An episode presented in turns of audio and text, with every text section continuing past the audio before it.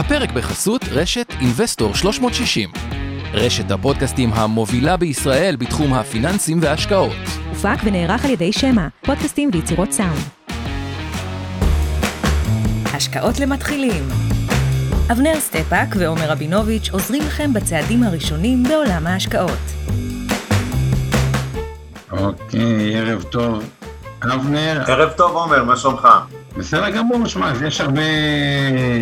יש לנו לא מעט בלאגן בעולם, והחליטו שבישראל, מה שנראה כמו מקום של יציבות, אומרים מחירי הגז בעולם משתוללים, אבל בישראל יש גז, אה, מחירי הנשק, אה, או צריך יותר נשקים, בישראל יש נשק, הכל נראה איכשהו שאנחנו לא פגיעים ויחסית יציבים, יש ממשלה ויש תקציבים, נתונים טובים, ואז יש לנו בחירות.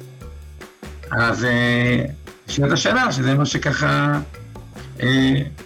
חשבנו, איך זה ישפיע, כלומר, זה לא סתם בחירות, זה בחירות בתקופה שהעולם יחסית, נקרא לזה בחוסר ודאות, ואולי צריך גם לעשות יותר אה, אדפטציות ויותר אה, אה, שינויים, וככה זה הנושא לשיחה, ועל הדרך נביא קצת לא מעט נתונים על מדינת ישראל, ככה שהכנתי, אבל קודם אליך, אבנר.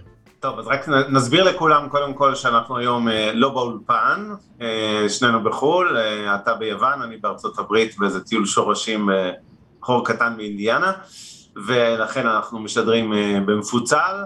בשעה הבאה תצטרף אלינו מורן גבאי, אה, אנליסטית אה, ותיקה ומצוינת במיטב, שתעסוק בכל נושא מניות הקמעונאות, אבל אה, כרגע, כמו שאמרנו, אנחנו באנו לדבר על הבורסה והבחירות ועל כל מה שקורה מסביב, וההשפעות של זה האפשריות על שוק ההון. נתחיל רק מקומץ תודות זריז לעמי ארביב אור חלמיש ואורן ברסקי מהצוות של אינבסטור 360 שתמיד עוזרים לנו עם התכנים. לעוז גצליק שמנהל את השידור הזה ממיטב ויש לנו כמובן את שיר פלדמן שעושה תמלול, אורי טולדנו באולפן, מנהל את הפודקאסט וכמובן אור אריאל האלופה, קבוצת האופטימית, הקבוצה של אור אריאל, משקיעים בדרך לעצמאות כלכלית שמשדרת אותנו גם בלייב, אז תודה גם לך, ובואו נתחיל, אז מה... אוקיי, אז בואו נתחיל קצת נתונים איך אנחנו מגיעים לאירוע.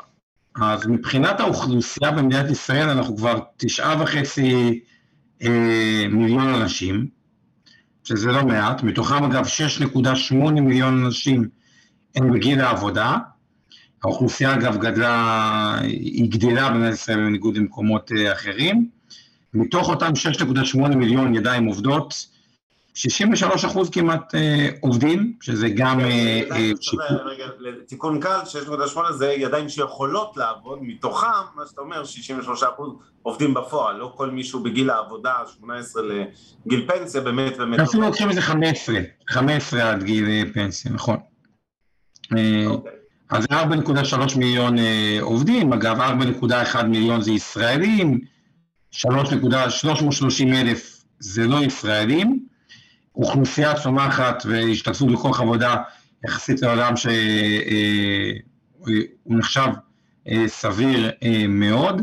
מה שכן צריך להגיד, כמה דברים מעניינים, השכר הממוצע במשק, נגיע אליו, למשרת שכיר, היא 11, יותר מ-11 אלף כבר.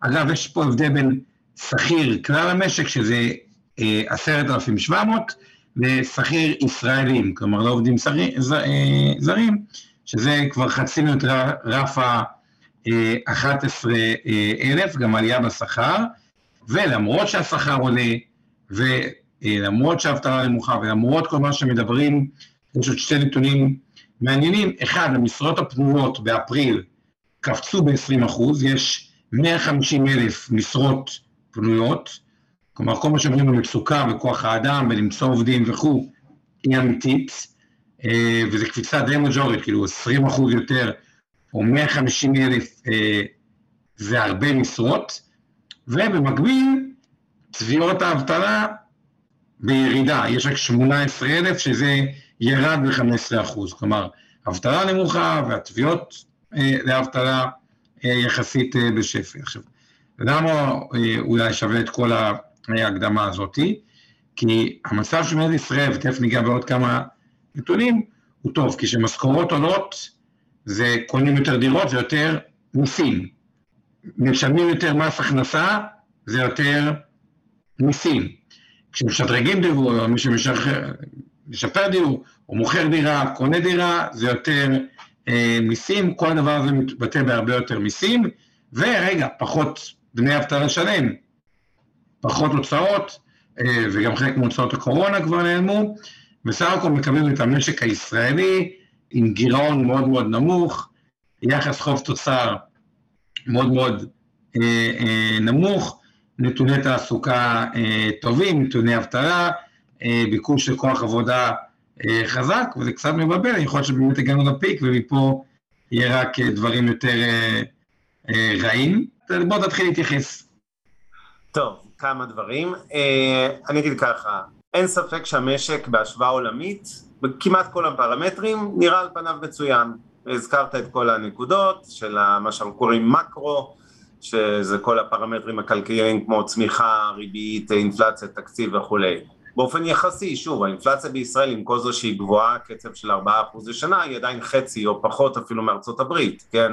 והיא נמוכה מרוב העולם המערבי, כך שגם כשאנחנו מתלוננים פה בצדק על יוקר מחיה ועליות מחירים וכולי, עדיין צריך להסתכל גם גלובלית, להבין שחלק גדול מהמרכיבים האלה הם לא מקומיים אלא מיובאים. כשאנחנו רואים את מחירי הסחורות אה, טסים לשמיים בעקבות מלחמת רוסיה-אוקראינה, אה, נפט או חיטה ותבואות או כל מיני תהליכים אחרים, כמו שסין עוצרת את הייצור אה, בגלל הקורונה וסגרים אגרסיביים בסין, שפוגעים בשרשרת האספקה, שזה משתרשר הלאה לעניין של עליות מחירים, אז אפשר להבין למה יש אינפלציה בעולם, ואני אומר את זה כי הרבה פעמים נדמה לנו שאנחנו באיזה בועה בישראל ואנחנו נוטים יותר מדי להסתכל פנימה ולהניח שכביכול אנחנו, אה, אה, כל הבעיות שלנו הן מקומיות, אז הן לא מקומיות, בחירות זה בעיה מקומית, וכן, אה, אי ודאות, תקציב וכולי, אבל רוב מה שקורה פה עכשיו זה לא אה, דברים מקומיים. אני כן מסכים ברמת המקרו שיש לנו כרגע סיטואציה ש... אה, בוא נגיד זה ככה, היא קצת מסוכנת, כלומר לכאורה הכל נראה ורוד ברמת הנתונים היבשים, אה, אבל מצד שני צריך להגיד בכנות, אה, זה עלולה להיות נקודת שיא, כמו שאמרת, פיק מסוים, בכל מיני הקשרים, ברור לי שאנחנו אה, הולכים לאיזושהי האטה, אני לא חושב שאנחנו הולכים מיתון חריף, למרות שגם לזה יש איזשהו סיכוי, בעיניי נמוך אבל לא אפס, אה, אבל הולכים להאטה, זה די ברור לי, אה, אני אגב מרגיש את זה מאוד, אני יכול להגיד שעכשיו שאני מסתובב בארצות הברית ואני נקרא לזה אמריקה אמיתית, לא ניו יורק ולוס אנג'לס, אלא במיד ווסט, הייתי בקולורדו, עכשיו אני באינדיאנה במיד ווסט, ממשיך לשיקגו, אה, אני, רואים את זה כאן בפירוש, בשורט. איך אתה רואה את זה? סתם מעניין, כאילו מה, מה אתה מרגיש? שמע, קודם כל, כמות ה... קודם כל אתה רואה חנויות אה, במקומות שאני יודע להשוות, אוקיי? אני לא גדלתי פה בדיוק, אבל העברתי נתחים מחיי אה, באזור הזה, ואני מכיר את העסקים ואת החנויות, ואני כן יכול קצת להשוות ממה שאני זוכר מביקורים קודמים. אה, אני רואה פחות תנועה בהרבה מקומות שאני מכיר טוב, חנויות ספציפיות, אה, בכל התחומים של צריכה פרטית נקרא לזה, אה, מסעדות, נורא קל היום להזמין מקום, לא צריך להזמין מקום, כן, אתה נכנס להרבה מאוד מסעדות כולל יותר טובות ואתה בשניות מוצא מקום. יש מחסור חריף בכוח אדם, למרות, זאת גם פה זה, זה מצב מוזר כזה שאנחנו לא כל כך מבינים אותו, אבל אה, כן, מאוד חסר עובדים, אני לא יודע אם ראיתם אה, רץ ברשת, ואתמול אני גם צילמתי במקדונלדס, אז רץ ברשת משהו כמו, אני לא זוכר את הסיסמה בדיוק, אבל כל מי שמתעסק בביטקוין עזבו הכל בואו לעבוד במקדונלדס. ואתמול שהייתי באיזה סניף, ולקח 17 דקות ב drive-thru של מקדונלדס, שזה בדרך כלל לוקח 5 דקות, זה נובע שוב מחסור בעובדים, אז יש שם שלט ענק, 16 דולר מינימום, אה, כן, אה, שכר בסיס ל, ל, לעובד מתחיל, בואו לעבוד אצלנו. יש מחסור בעובדים, יש ירידה בשירות, אבל יש גם ירידה בצריכה. זאת אומרת, זה לא רק בעיה שאתם רואים בצד ההיצע של חנויות, של רשתות אה, מזון וכולי, אלא רואים את זה גם בצד השני. אז, אז כן, רואים את זה. אגב, רק להדגיש את זה, כשאמר אומר, יש בסוף עובדים, או השכר המינימום או השכר השעתי עולה, זה כביכול באמת טוב מבחינה חברתית, יש בזה הרבה דברים אה, חברתיים, אבל מבחינת שוק ההון, זה אומר, חברות מרוויחות פחות, כי צריך להגיד את זה, בסוף. כן. אה, אה, זה כאילו נשמע מעט, אבל תחשבו על וולמרט שיש לה, לדעתי, מיליוני עובדים, לא זוכר בדיוק את המספר המדויק, אתה יודע אם אתה יכול להסתכל כמה בדיוק עובדים יש במקדונלדס, בוולמרט זה אומר שכל דולר לעובד, אז הוא משפיע, הוא, הוא, הוא, הוא, הוא דרמטי. כן.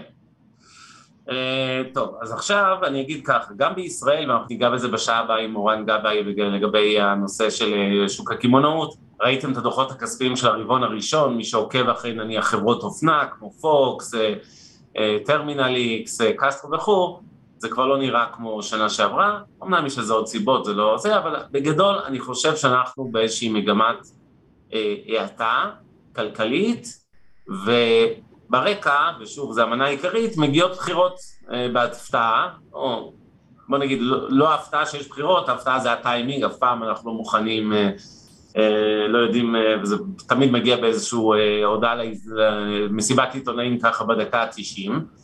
אה, וזה אה, לתחושתי מה שקרה אה, עכשיו. אני אתחיל רגע מכמה עצות בסיסיות. הדבר הראשון, דיברנו על זה גם באחד המפגשים הקודמים שלנו, זה שאירועים פוליטיים, השפעתם על שוק המניות ועל שוק האג"ח ועל הבורסה בכללותה, שכוללת את שני השווקים האלה, הם נמוכים מאוד. בדרך כלל ההשפעה היא רגעית, זה יכול להיות יום של ירידות, שעות של ירידות, לא מעבר לזה.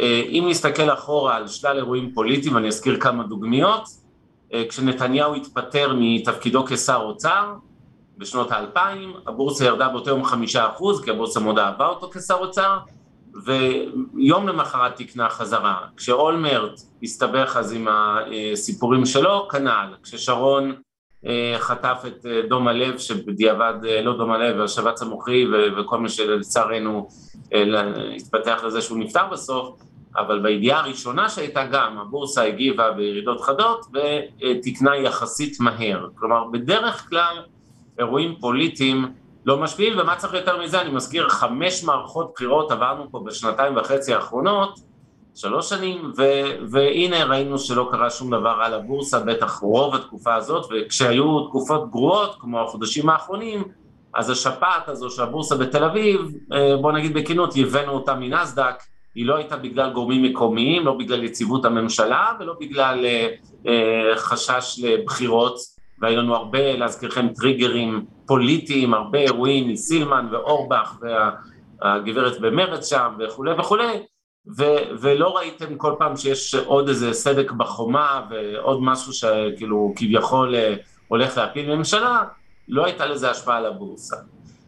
עכשיו, אה, איפה בעיניי בכל זאת האזור המסוכן, אה, למרות שעד היום הסיכון הזה לא התממש, זה כל נושא התקציב. היינו פה, להזכירכם, שלוש שנים כמעט בלי תקציב עד שהממשלה הזאת אה, סידרה תקציב, ובכל זאת הבורסה לא קרסה.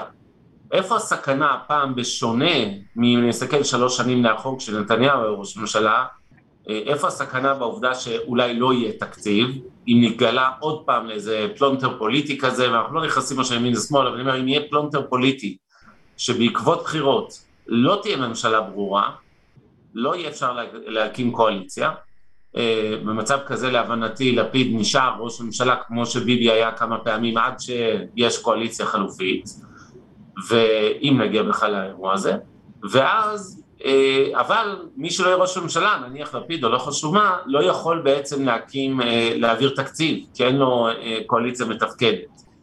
עכשיו, זה מצב שהוא הפעם יותר מסוכן מאשר לפני שלוש שנים, כי לפני שלוש שנים המשק והכלכלה העולמית והכל היו במגמת צמיחה. אז יכולנו להרשות לעצמנו להיתקע עם תקציב מקובע, במובן מסוים זה היה אפילו לא רע כל כך, כי אתם יודעים שהתקציב עובד על אוטומט, במידה ולא אושר תקציב אז עושים 1 חלקי 12 כל חודש מוצאים מה, מהתקופה שהייתה. ואז לא הייתה בעיה כי ההכנסות ממיסים וכל האקזיטים בהייטק והצמיחה במשק בכללותה תרמה מאוד אה, לזה שבעצם העובדה שלא היה תקציב לא הורגשה, הורגשה חלקית, כן, וכל מיני אנשים שהיו צריכים תקציבים ספציפיים, עמותות וגורמים אחרים, אבל בגדול צלחנו את התקופה הזו בסדר, בחסות העובדה שהמצב המקרו-כלכלי של ישראל היה מצוין. הפעם, אם חלילה, כשמדברים על משק שעובר אולי לאטה, כשמדברים על אה, מה שקורה בעולם, אה, ואולי חלל, לא, לא, לא אולי לאטה, אתה בטוח, אולי למיתון.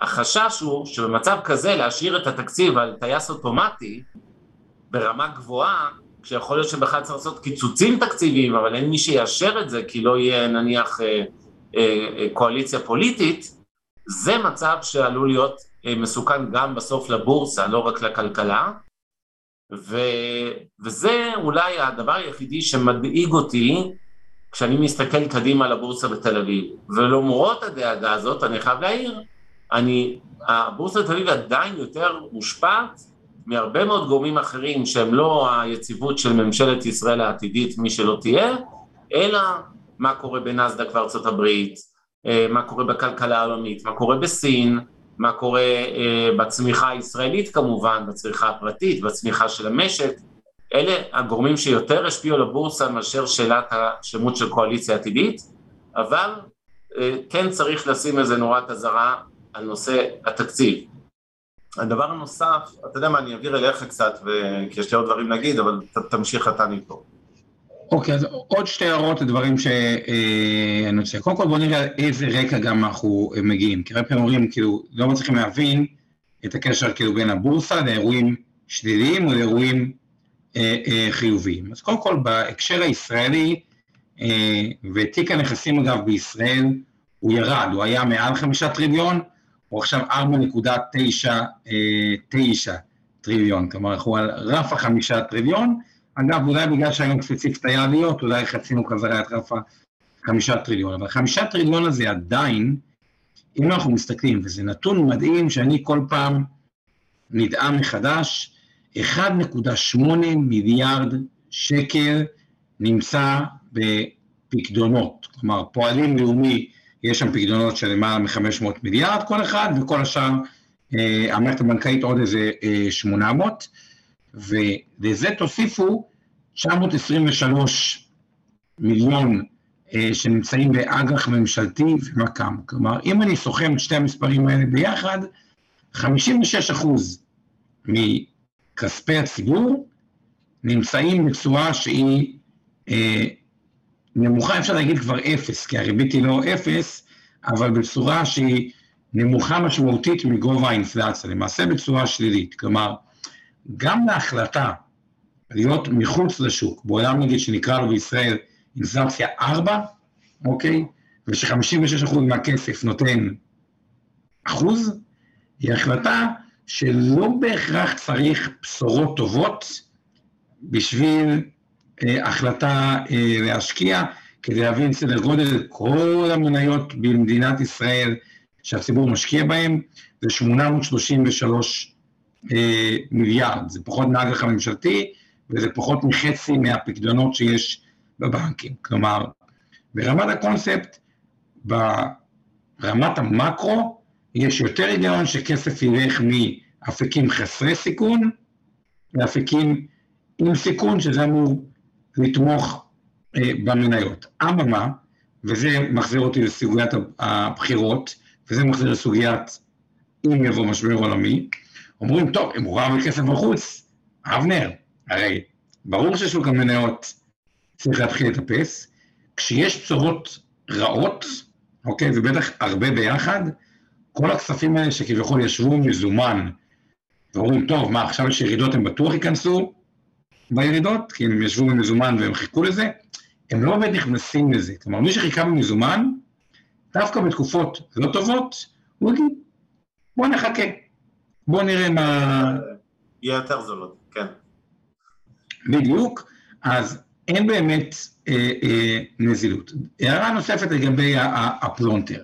הרבה חברות, ותסתכלו, חלקכם אה, עובדים בעסקים. מי שעובד, עובד בעסק, חלק מנהלי עסקים, חלק תפקידי ניהול בכיר, חלק תפקידי ניהול ביניים.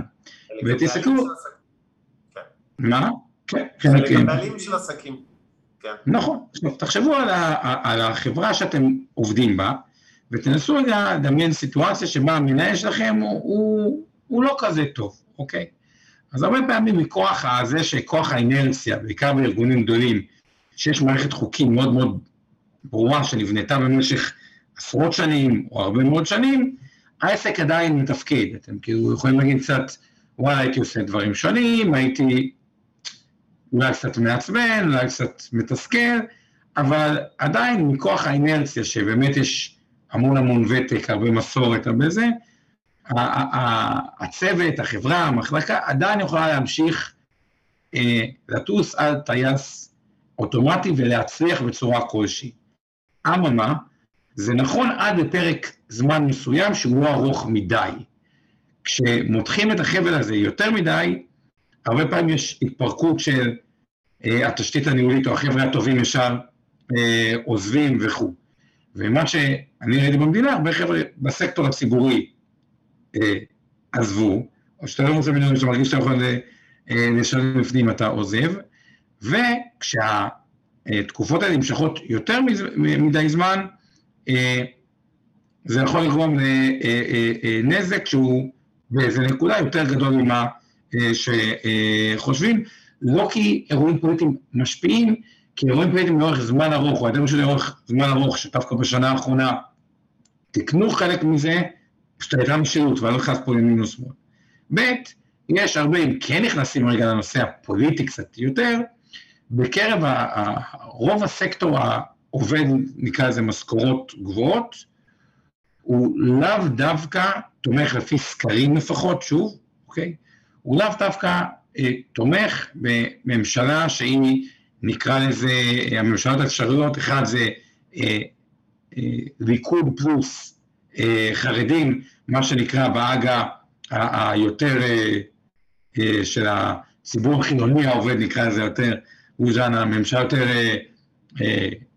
חרדית, או יש כאלה שאפילו יכנו את זה משיחית, אם זה רק חרדים ודברים כאלה, שהיא מוקצנת לגבי ציבור אחד, וגם עכשיו, למרות שכאילו בנט היה ראש ממשלה שהוא כביכול מייצג ציבור דתי, אז זה כאילו היה צריך להיות מאוזן, אבל הצד השני היה, אה, היו צדדים לא מרוצים. הנקודה היא שהפעם, אם פה היה איזושהי עוד פשרה שהיא מתפקדת עבור מסה קריטית באוכלוסייה, אגב היה הרבה אנשים מהיום חברות פוליטיות שהיו מאוד לא מרוצים ממנה, אה, יש סכנה, ש, או יש הרבה מהציבור שחושב שאם יהיה ממשלה שנתפסת כיחסית קיצונית, פלוס אה, כל החוסר בהירות למה שהיה בעבר, זה כשלעצמו כציפייה יכול לגרום לחוסר נינוחות אה, באוכלוסייה, והרבה מההשקעות זה גם נושא של רגש, פסיכולוגיה, לא סתם זה נלמד בכלכלה, ונראה על פניו שהאפשרויות שעומדות כנגד האפשרות שהייתה קיימת מבחינה כלכלית, אה, הן פחות טובות גם כי השוק פחות אוהב חוסר ודאות. אה, ובחירות מוסיף חוסר ודאות, בטח בזה שחוו הרבה בחירות עם חוסר ודאות. כלומר, השילוב הזה של תנועת אל וזה, יש בו מין אה, דאגה, אה, בוא נחזור קצת אליך. כן, אז אני אגיד ככה, אם אני לוקח את האלמנטים הכלכליים מהשיח הפוליטי רגע קדימה, אז א', אמרתי, אני מוטרד מתקציב שיכול להיות שיהיה קשה להעביר את תקציב 23 בסיטואציה שלא יהיה לנו פה אה, קואליציה, או קואליציה יציבה מספיק, לא משנה מהי הקואליציה הזאת. ובהקשר הזה אני רוצה להתחבר אה, לכמה דברים. אחד זה מחאת הדיור שמתפתחת ברגעים אלה ולדעתי הולכת להגיע לממדים מאוד מאוד גדולים בשבועות הקרובים, אגב, ובצדק. אה, ולכל הנושא של סקטורים, דיברת על מגזר ציבורי ועזיבה של אנשים ומעבר לסקטור פרטי, אז אין ספק שיש סקטורים אה, אני אתחיל הפוך, בגלל עליות המחירים ויוקר המחיה הכללי, אז כולם עכשיו כמובן מצפים אה, לעליות שכר, וראינו את זה קורה בהקצנה בהייטק, בפחות הקצנה בסקטורים אחרים, ומצד שני יש כמובן את הלחץ של אה, שביתות המורים, ויש שכר עלוב, עלוב, עלוב, עלוב במגזר הרפואי, בעיקר אה, אחים ואחיות, יש הרבה מאוד סקטורים, אני לא אמנה פה את כולם, שיושבים במשכורות נמוכות, אם זה שוטרים ואחרים, ובסופו של דבר, בסוף כשאין לנו קואליציה לדבר איתם, אז אנחנו עלולים לראות סיטואציה של מצד אחד מחאה חברתית אה, אה, סטייל 2011, ואני אחבר את זה לכלכלה, שוב, לא לפוליטיקה, אה, ומצד שני, אין מישהו בצד השני שמסוגל בכלל לענות לה, כי יש איזה כאוס פוליטי, ונניח שלא יהיה קואליציה יציבה, אלא איזה עוד פעם ממשלת מעבר, סטייל מה שראינו פה ב, עד לפני השנה החולפת, בממשלות הקודמות של נתניהו, ואפשר להסתכל גם על השנה האחרונה כעוד סוג של כזה, למרות שהיא הצליחה לתפקד קצת יותר מבחינת uh, להעביר uh, תקציבי, תקציב לפחות זה בטוח, ולפחות חלק מהחוקים.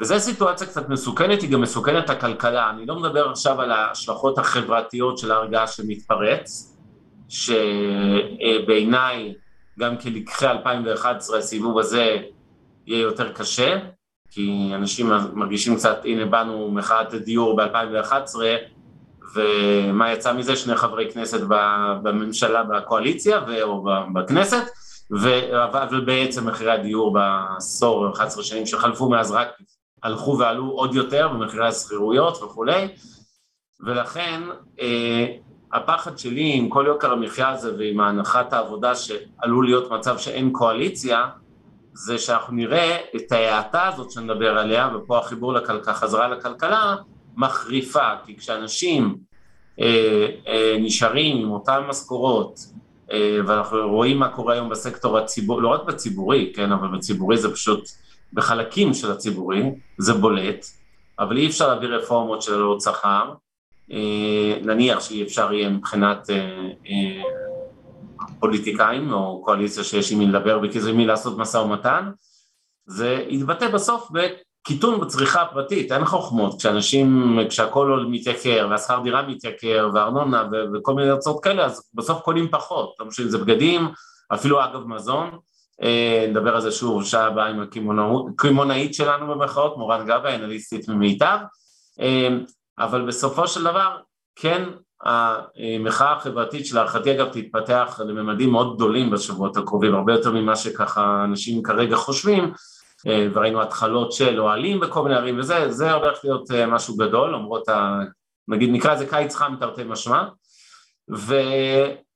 וכמובן שזה גם מתחבר לבחירות, כי כולם רוצים לדרוש עכשיו, זה time to, זה אה, time, כמו שאומרים, לדרוש מהפוליטיקאים, חבר'ה, אתם הולכים לבחירות עוד כמה חודשים, תוודאו בבקשה, אנחנו רוצים, כן, הצהרות שלכם שאתם תתמכו בחוק פיקוח על שכר דירה, הורדת מחירי הדיור, העלאת אה, משכורות למגזר כזה או אחר, ברור לי שיהיו הרבה מאוד לחצים, פוליטיקאים כרגיל יבטיחו, לא בטוח שהם יוכלו לקיים, כי שוב, לא בטוח שתהיה קואליציה, גם כשיש, לא תמיד הם מקיימים, אבל בטח אם תהיה אי ודאות פוליטית, וזה כן יפגע בכלכלה הישראלית אם זה יקרה, אה, ולזה צריך לשים לב. זה החיבור שאני עושה בין הפוליטיקה הזה, כי אחרת, כמו שאמרתי לפני רבע שעה, עשרים דקות, לא צריך לדאוג יותר מדי מהפוליטיקה, אפשר להתקדם, לדלג, להסתכל על נסדק, להסתכל על כל מיני דברים אחרים, ולא להתעסק אה, באיזה קואליציה תהיה או לא תהיה בעוד אה, חודשיים. אבל אני מתעסק בשאלה הזו בכל זאת, כי כן עלולה להיות לה השפעות כלכליות מסוימות, אה, בתרחישים שבהם ניכנס לסוג של מבוי סתום פוליטי בלי הכרעה ברורה ימינה או שמאלה. אגב, זה בא רק לחזק את אבנר, בסוף הרבה פעמים ממשלה היא ממש לא ימין או שמאל, פשוט יש משהו, עיקרון שנקרא ניהול, צריך מנהלים טובים. רוב הבעיות נפתרות על ידי ניהול טוב. עכשיו הנקודה היא שיש דברים שדורשים תיאור מאוד מאוד גדול, אה, ובעיות תחבורה, שהרבה חווים פקקים, דיור, שיש כל מיני תוכניות, כמו שאבנר אמר, תוכניות אה, חדשות כדי א', להגדיל את ההיצע, וגם תוכניות שנותנות הנחות לכל מיני זוגות אה, אה, צעירים. עכשיו, השילוב הזה פשוט, שלא לטפל בהם, גם הוא לא משפיע רגעית, אז זה איפשהו בא לידי ביטוי, ויותר חלק כמו שאומרים, אוקיי, הפרקים פתאום בלתי נסבל. עכשיו, כשזה כבר בלתי נסבל, עדיין אין מה לעשות, כאילו, זה פתרונות שדורשים ניהול של אה, שנים. 15 שנים, כן. 15 שנים, אז כאילו, לא מתחילים דברים עכשיו, הם לאו דווקא אה, זה דוחה את הפתרון, ויש עם זה בעיה, ועדיין, אחרי שמתכללים את הכל, לתפיסתי מדינת ישראל עם ה-56 אחוז מכספי הציבור, סלש מוסדיים, סלש חברות, שמושקעים באג"ח מדינה, סלש פקדונות, מול הרבה פחות במניות, אז יש פה עדיין גם, אה, בוא נגיד ככה, אם דברים כן יסתדרו לחיוב, וכמו שאומרים, פוליטיקה היא דבר מאוד מאוד נזיל, ואפשר בסוף לקבל אה, פתרון שהוא יפתיע אנשים גם, אתם מסתכלים על הצד השלילי, שיפתיעו אנשים גם לטובה. יש המון כסף בחוץ שמחכה להיכנס, והמון, הנרטיב עכשיו של הכלכלה, גם בישראל, שקצת נפגעת מההייטק שככה לא לגמרי ברור מה קורה, לאן הולך, ולדבר על סטארט-אפים שאנשים איבדו חלק מתחושת העושר שלהם, פלוס החוסר יציבות וכו', שהיא לא תחושה שמרגישים נוח אה, להשקיע בה, או פחות מרגישים נוח להשקיע בה, כשזה משתנה, אז יש הרבה כסף שיכול גם לייצר מומנטום מאוד מאוד חיובי. אה, ושוב, זה חוזר למה שמדברים אה, בשבועות האחרונים, כן ייתכן מצב שלפני שנראה, כי הבורסה לאורך זמן עולה. אגב, מסיבה מאוד ברורה, שסך הכנסות החברות עולה, והרווחיות של חברות עולה לאורך זמן. נגיד, יש אינפלציה, מה זה אינפלציה? עליית מחירים של חברות. אוקיי, זה יכול להיות עליית מחירי נדל"ן, אבל מישהו מוביל, דירות יותר יקרות, חברות נדל"ן בנייה למקורים, כנראה שהרוויחו יותר. מישהו מרוויח אה, אה, יותר מכל סיפור שזה כמו שפחית כל הפעם עלתה שקל, אחרי 50 שנה היא כבר לא עולה שקל, היא עולה הרבה יותר אה, משקל, זה אומר שבדולרים מרוויחים, או בשקלים מרוויחים יותר. יש רק נקודה שיותר מדי חוסר ודאות בצד הראשון, כשאנשים יוצאים מהבורסה כי היא יורדת, בניגוד, למרות שכל הנתונים עם המון כסף בחוץ, הרבה פעמים מקבלים מה שנקרא משבר נזילות. משבר נזילות, יש מי שרוצה אה, למכור, אה, אין בכלל מי שרוצה לקנות. לתפיסתי בשוק הנדל"ן, מה שאנחנו נראה עכשיו זה קיפאון, זה לאו דווקא מחירים יורדים, כמו שמי שרוצה למכור אין מי שקונה, כאילו מקבלים שוק שהוא שוק פייק.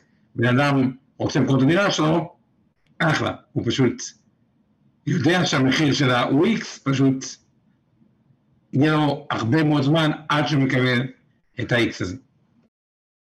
טוב, אני רוצה להתייחס לעוד שתי נקודות שקשורות לבחירות ולבורסה. אה, הנקודה הראשונה זה אי הוודאות, והנקודה השנייה שגם אה, שאלו אותנו לגבי הסוגיה של מה יותר טוב לבורסה במחאות, קואליציה ימין, שמאל, תכף נגיע לזה, אבל אני רוצה להתחיל מאי ודאות. באופן כללי, הדבר שתמיד הכי גרוע לבורסה זה אי ודאות. כשאתם מסתכלים על מה גורם למפולות הרבה פעמים אה, בשווקים, זה גורמים שאנחנו קוראים להם ברבורים שחורים, בדרך כלל זה דברים שבאו במפתיע, לא משנה אם זה, זה קורונה שאף אחד לא יכל לחזות מן הסתם, או, או כל דבר שקורה, אה, נתתי דוגמאות בתחילת המשדר על אירועים פוליטיים, אה, התפתחות של נתניהו, השבץ המוחי של אה, שרון וכולי, שפתאום דברים קרו במפתיע, זה בדרך כלל רע לבורסה. וכשאין ודאות קדימה, זה עוד יותר רע לבורסה, אוקיי? זאת אומרת, הבורסה לא אוהבת, בורסה אוהבת ודאות. עכשיו, בהקשר הפוליטי, כבר התגברנו על זה, כמו שאמרתי, אני רגוע מהאי ודאות הפוליטית בהקשר הזה, כי עברנו חמש מערכות בחירות, ובתקופה קצרה, ותמיד היה אי ודאות למה יהיה התוצאה של הבחירות האלה, ותמיד זה היה גבולי, ואף פעם לא ידעו להגיד בוודאות הולך להיות אה, קואליציה כזו או אחרת, או ינצח או זה ינצח, והבורסה תפקדה היטב. בהיבט הזה אני רגוע גם קדימה, גם על מערכת הבחירות הקרובה. אבל, כמו שאמרתי, אני לחוץ מסוגיית האם יהיה או לא יהיה תקציב, כי הפעם כללי המשחק הם קצת שונים, זה פוגש שוק בסכנה של משק, בסכנה של האטה, חלילה אולי אפילו מיתון, אז זה קצת שונה אה, בעיניי ממצבים קודמים, אבל תזכרו שבורסה לא אוהבת, אה, לא אוהבת אי ודאות. הדבר השני זה באמת סוגיית הרכב אה, קואליציה עתידית, ואני מתעלם רגע מהסקרים, אני מתעלם מהדעות הפוליטיות שלי שידועות לרובכם, אבל הן לא רלוונטיות. אני מסתכל כך, אני אגיד, תראו, מבחינה כלכלית, פרופר, ימין ושמאל בארץ זה מאוד מעורבב. אם נסתכל היסטורית, תיאורטית, אה, הימין המדיני, ליכוד וכולי, אמור להיות אה, אה, גם ימין כלכלי, אבל זה לא באמת ככה, אחרת בוחרי ליכוד היו כנראה מגיעים מאזורים אחרים, והפוך, השמאל הוא לא תמיד שמאל כלכלי, הוא יותר שמאל מדיני.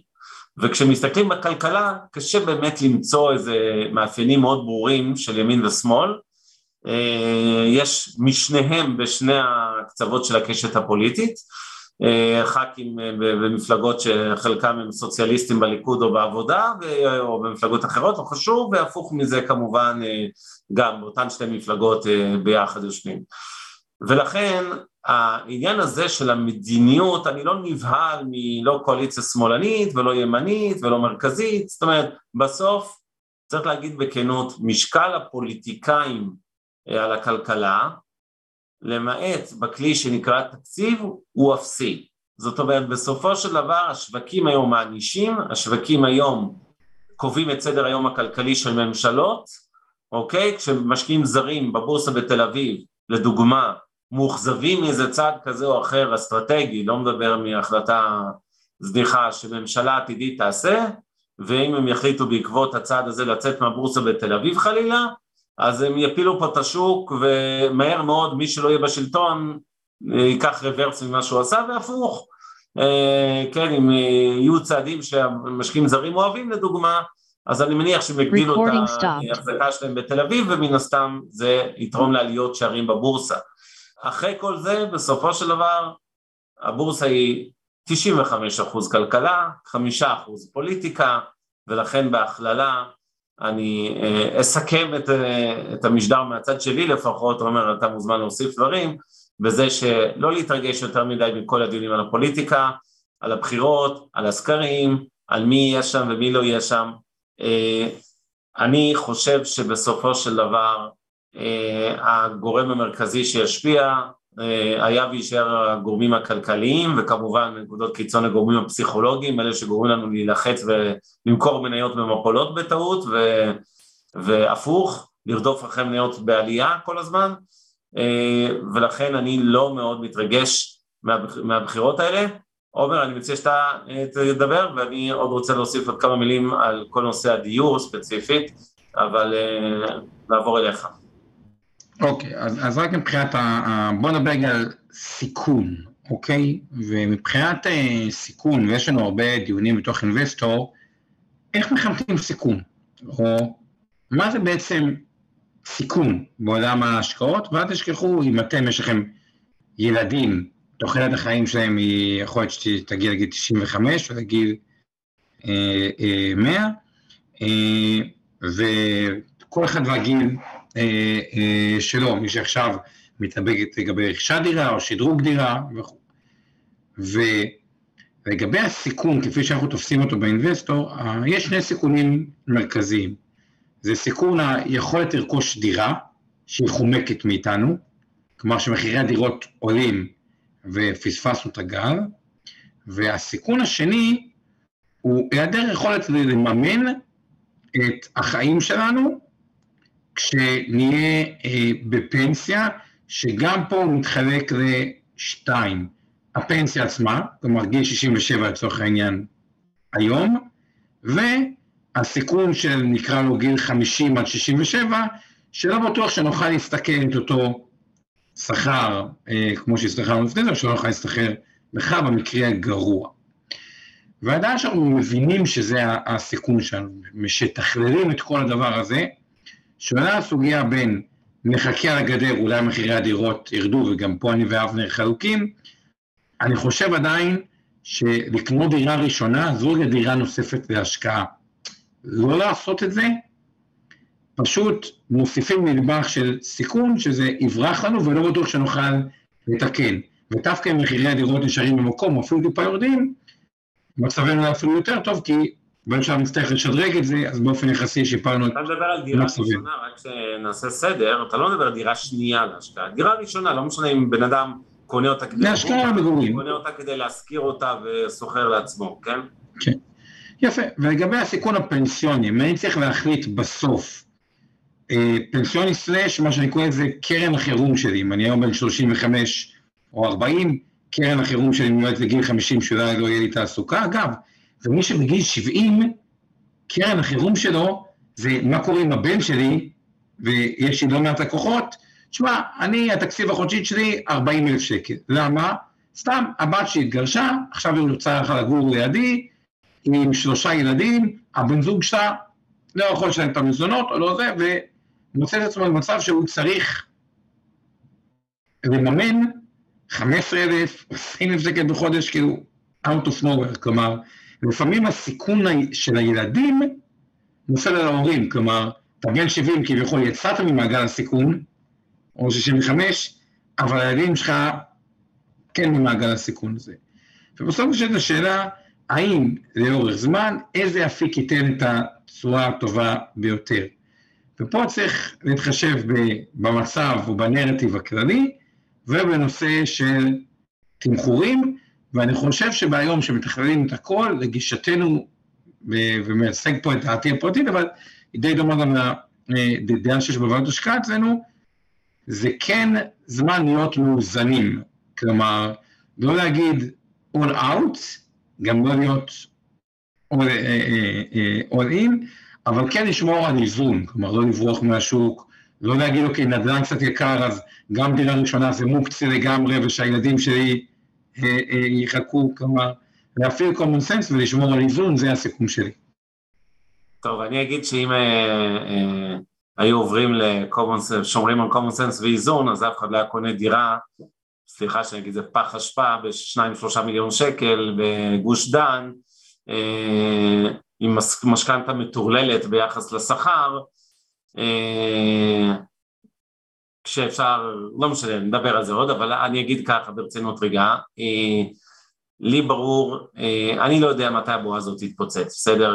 כותבת לנו פה מור, כותבים כל מיני אנשים על השוק הזה, אני אגיד ככה, אין לי שום ידע, כמו כל בועה אחרת, אגב גם בשוק מניות אנחנו אף פעם לא יודעים לתזמן בועות, מתי מתפוצצות ומתי חזרה הזמן הכי נכון לקנות, אבל אי אפשר אה, להתעלם מזה שזו בועה לכל דבר, בכל פרמטר כלכלי, אם נשווה את שוק הדירות, אגב למגורים, אני מדבר קודם כל בעלות, עוד לפני השכירות, השכירות באופן מוזר היא עוד יחסית זולה, למרות שהיא עלתה מאוד, כי אם אתם מסתכלים באחוזים, במונחי כמה השכירות עולה מתוך נכס, אז מה שהמשקיע מקבל, שזה בעצם אומר מה שהסוחר משלם אה, אה, במילים אחרות, אותם כשניים וחצי אחוזים היום באזור גוש דן, אני לא מדבר על דירות בפריפריה, בבית שאן או בירוחם או בקריית שמונה, אה, בסופו של דבר התשואות הן נמוכות מאוד, וזה נובע בעיקר מזה שעליית אה, אה, מחירי הדיור הייתה דרמטית יותר מעליית מחירי השכירות, שגם היא כידוע אה, לא נמוכה בכלל. לי ברור שזה הולך להיות נושא מרכזי מאוד באג'נדה של הבחירות האלה, אתם תראו את זה מתלקח תוך שניות עכשיו. א', היא מחאה מוצדקת שכבר רואים ניצנים שלה בשטח ברגעים אלה. ושוב, צריך יהיה לטפל פה בצד ההיצע, אני מסכים עם מה שמור כתבה לנו, זה לא, אה, אה, הבעיה היא לא לכבות ביקושים, המשקל של משקיעים אגב בשוק הנדל"ן ירד דרמטית, הוא היום מהדירות שנקנות כרגע הוא בקושי עשרה אחוז, עדיין המשקלם בשוק כולו במאות אלפי דירות שהיסטורית נקנו על ידי משקיעים הוא כוון גבוה, אבל צריך גם דירות להשכרה, כן, אנחנו לא רוצים לכבות את זה, אבל בוא נגיד ככה, משקיעים חדשים היום כבר לא ייכנסו בגלל עלויות הקנייה המאוד יקרות, המס רכישה של השמונה אחוז, העלויות הנלוות, כלומר תחשבו שבן אדם הולך לקנות דירה להשקעה, הוא מוציא עשרה אחוז בערך רק ב... עשרה, אחד עשר אחוזים רק בקנייה, זה כמו ארבע שנים של אה, תשואה מסחירות של שניים וחצי אחוזים. לכן לדעתי אמ, הנושא של דירה להשקעה, שוב כדירה שנייה, אני לא מדבר על מה שעומר דיבר, דירה ראשונה אני לא שופט אף אחד, שקונה אפילו לא במחירי הבועה. האלה, יש עוד שיקולים, ביטחון, הרצון להפסיק אה, לעבור דירה כל שנתיים כי בעל הבית השתגע ורוצה להקפיץ את השכר דירה בעוד אלף שקל, אה, אז אני מבין את זה, לפעמים יש שיקולים אחרים, אבל בגדול היום עם מחירי המשכנתאות שעלו משמעותית, הריביות ועוד ימשיכו לעלות ריבית הפריים, זה ברור, אה, אפילו משמעותית, אני חושב שאם לא קניתם עדיין דירה, תמתינו, גם דירה ראשונה, דירה להשקעה אני לא הייתי קונה בשום פנים ואופן, בישראל אין סיבה, גם אגב, מי שכל כך מאמין בשוק הנדל"ן, לכו לארה"ב, לכו לאירופה, תקבלו חמישה, שישה, שבעה אחוז, או מינימום ארבע וחצי כזה, למה לקנות דירה בחצי, בחצי תשואה פה? ולכן בעיניי זה פחות מעניין, זה כן יהיה אה, נושא חם מאוד מאוד בתקופה הקרובה, יגדיל את המאמצים שמי שלא יהיה הפוליטיקאים הדור הבא שלנו, יהיה, אה, יגדיל מאוד את המאמצים שלהם לכבות את שריפת הנדל"ן הזאת, להגדיל את ההיצע, שם, שם זה כל הסיפור, לבנות יותר, להפשיר יותר, לבנות דיור ציבורי להשכרה, לבנות פשוט כמויות הרבה יותר גדולות. אגב, ב-2021 הייתה השנה הראשונה שהמגמה הזו התהפכה לחיוב, היה יותר התחלות בנייה ושיווקים משמעותית מהביקושים, אבל עדיין יש לנו פער היסטורי לסגור שצריך עוד כמה שנים כמו 2021 אה, או שנתיים כאלה לפחות בשביל, אה, בשביל להפוך את זה. כמובן שאם ממשלה מתערבת אז היא יכולה להוריד את השוק הזה יותר מהר, אה, אבל זה רק יגיע מצד ההיצע, הממשלה לא יכולה להחליט שמחיר דירה ירד ב-30 אחוז, היא צריכה פשוט להציף את השוק ביותר שיווק קרקעות ויותר דירות ולהוריד בירוקרטיה כי אם היום אם ייקח שלוש, ארבע, חמש שנים מהרגע שהמינהל משווק משהו, הייתי אופטימי עם שלוש שנים, עד שיש בניין גמור, לא יצמח מפה כלום. אז זה גם נושא שכדאי לעקוב עליו, הוא אמנם נושא יותר חברתי מכלכלי, אבל יהיה לו... חברתי, אבנר, אתה רוצה חצי דקה פינה חברתית על מצדיעים למגן דוד אדום? אתה רוצה להגיד? יאללה, תספר, תגיד אתה, אתה ככה חי את זה. אז אה, אירוע מצדיע למגן דוד אדום, מגן דוד אדום לא צריך אה, להגיד, גם היה קצת פרסומות בפייסבוק למי שראה, ה-26 לשישי, שזה אוטוטו, אה, היכל התרבות תל אביב, אתם יכולים לעשות בגוגל מצדיעים למגן דוד אדום, יש שם מה שנקרא חסידות בקלאס, שזה מיטב היצירות הקלאסיות והחסידיות במקום אחד, גם הוא אירוע נחמד ומהנה, גם תמיד מגן דוד אדום, אז ככה מי שרוצה אה, גם לתרום, גם ליהנות, ה-26 לשישי, תעשו מסדיר מגן דוד אדום אה, בגוגל, אה, זהו. ואני מצטרף בחום על ההמלצה, אני אגיד גילוי נאות, אבא שלי מתנדב בעצמו במד"א וחבר ועד מנהל שם, וזהו, ואני מאוד אוהב את הארגון הזה. אני אהיה בארצות הברית עדיין, אבל אני, אבל בהחלט אה, מוזמנים אה, ללכת לאירוע, ואני אגנוב עשר שניות פרסומת אפשר, עומר? אתה יודע שאני שונא לעשות פרסומת. ודאי, אבנר, כזה חתיך, איך לא ניתן לך עשר שניות פרסומת? לא, ממש, לא, פשוט אבא שלי כתב ספר על שוק ההון, אה, עולם ההשקעות שלי, וזהו, וזה ספר שמסכם 40 שנה, זה לא ביוגרפיה, יש שם עולם אלמנטים שלנו, גם המשפחה, אבל זה, זה על שוק ההון.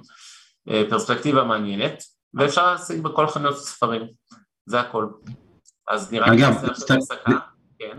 להצטרף אגב למה שאבנר אומר, אני מאוד אוהב באופן כללי שואלים אותי איך להתחיל משוק ההון, איך דברים, הרבה פעמים ביוגרפיות של אנשים, או אנשים שעברו דרך מאוד ארוכה בשוק ההון, להבין את הצורת מחשבה שלהם, מה הם עשו, צריך לדרך, והזדמנות טובה. אה, הפסקה? אז אנחנו אה, נסיים כאן, וזהו, תודה שהייתם איתנו בהשקעות למתחילים. כמו שהבנתם, אנחנו לא מתרגשים מהבחירות ולא מהקואליציה שתהיה אחריהם, כן מודאגים מהתקציב ומהשאלה אם יהיה קואליציה כלשהי או שזה ניכנס עוד פעם ללופ של אה, בחירות אה, הולכות וחוזרות כמו שראינו בשנים האחרונות. אנחנו ניפגש, מי שמעוניין, עוד עשר דקות, מורן גבאי, אנליסטית ותיקה ורצינית מאוד במיטב, שמתמחה בעולם מניות הקמעונאות, נדבר גם על זה, אה, אז יהיו אה, עוד שעה. הפרק בחסות רשת אינבסטור 360. הופק ונערך על ידי שמע, פודקאסטים ויצירות סאונד.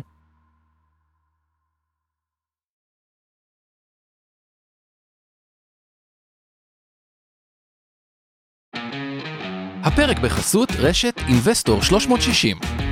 רשת הפודקאסטים המובילה בישראל בתחום הפיננסים וההשקעות. הופק ונערך על ידי שמע, פודקאסטים ויצירות סאונד.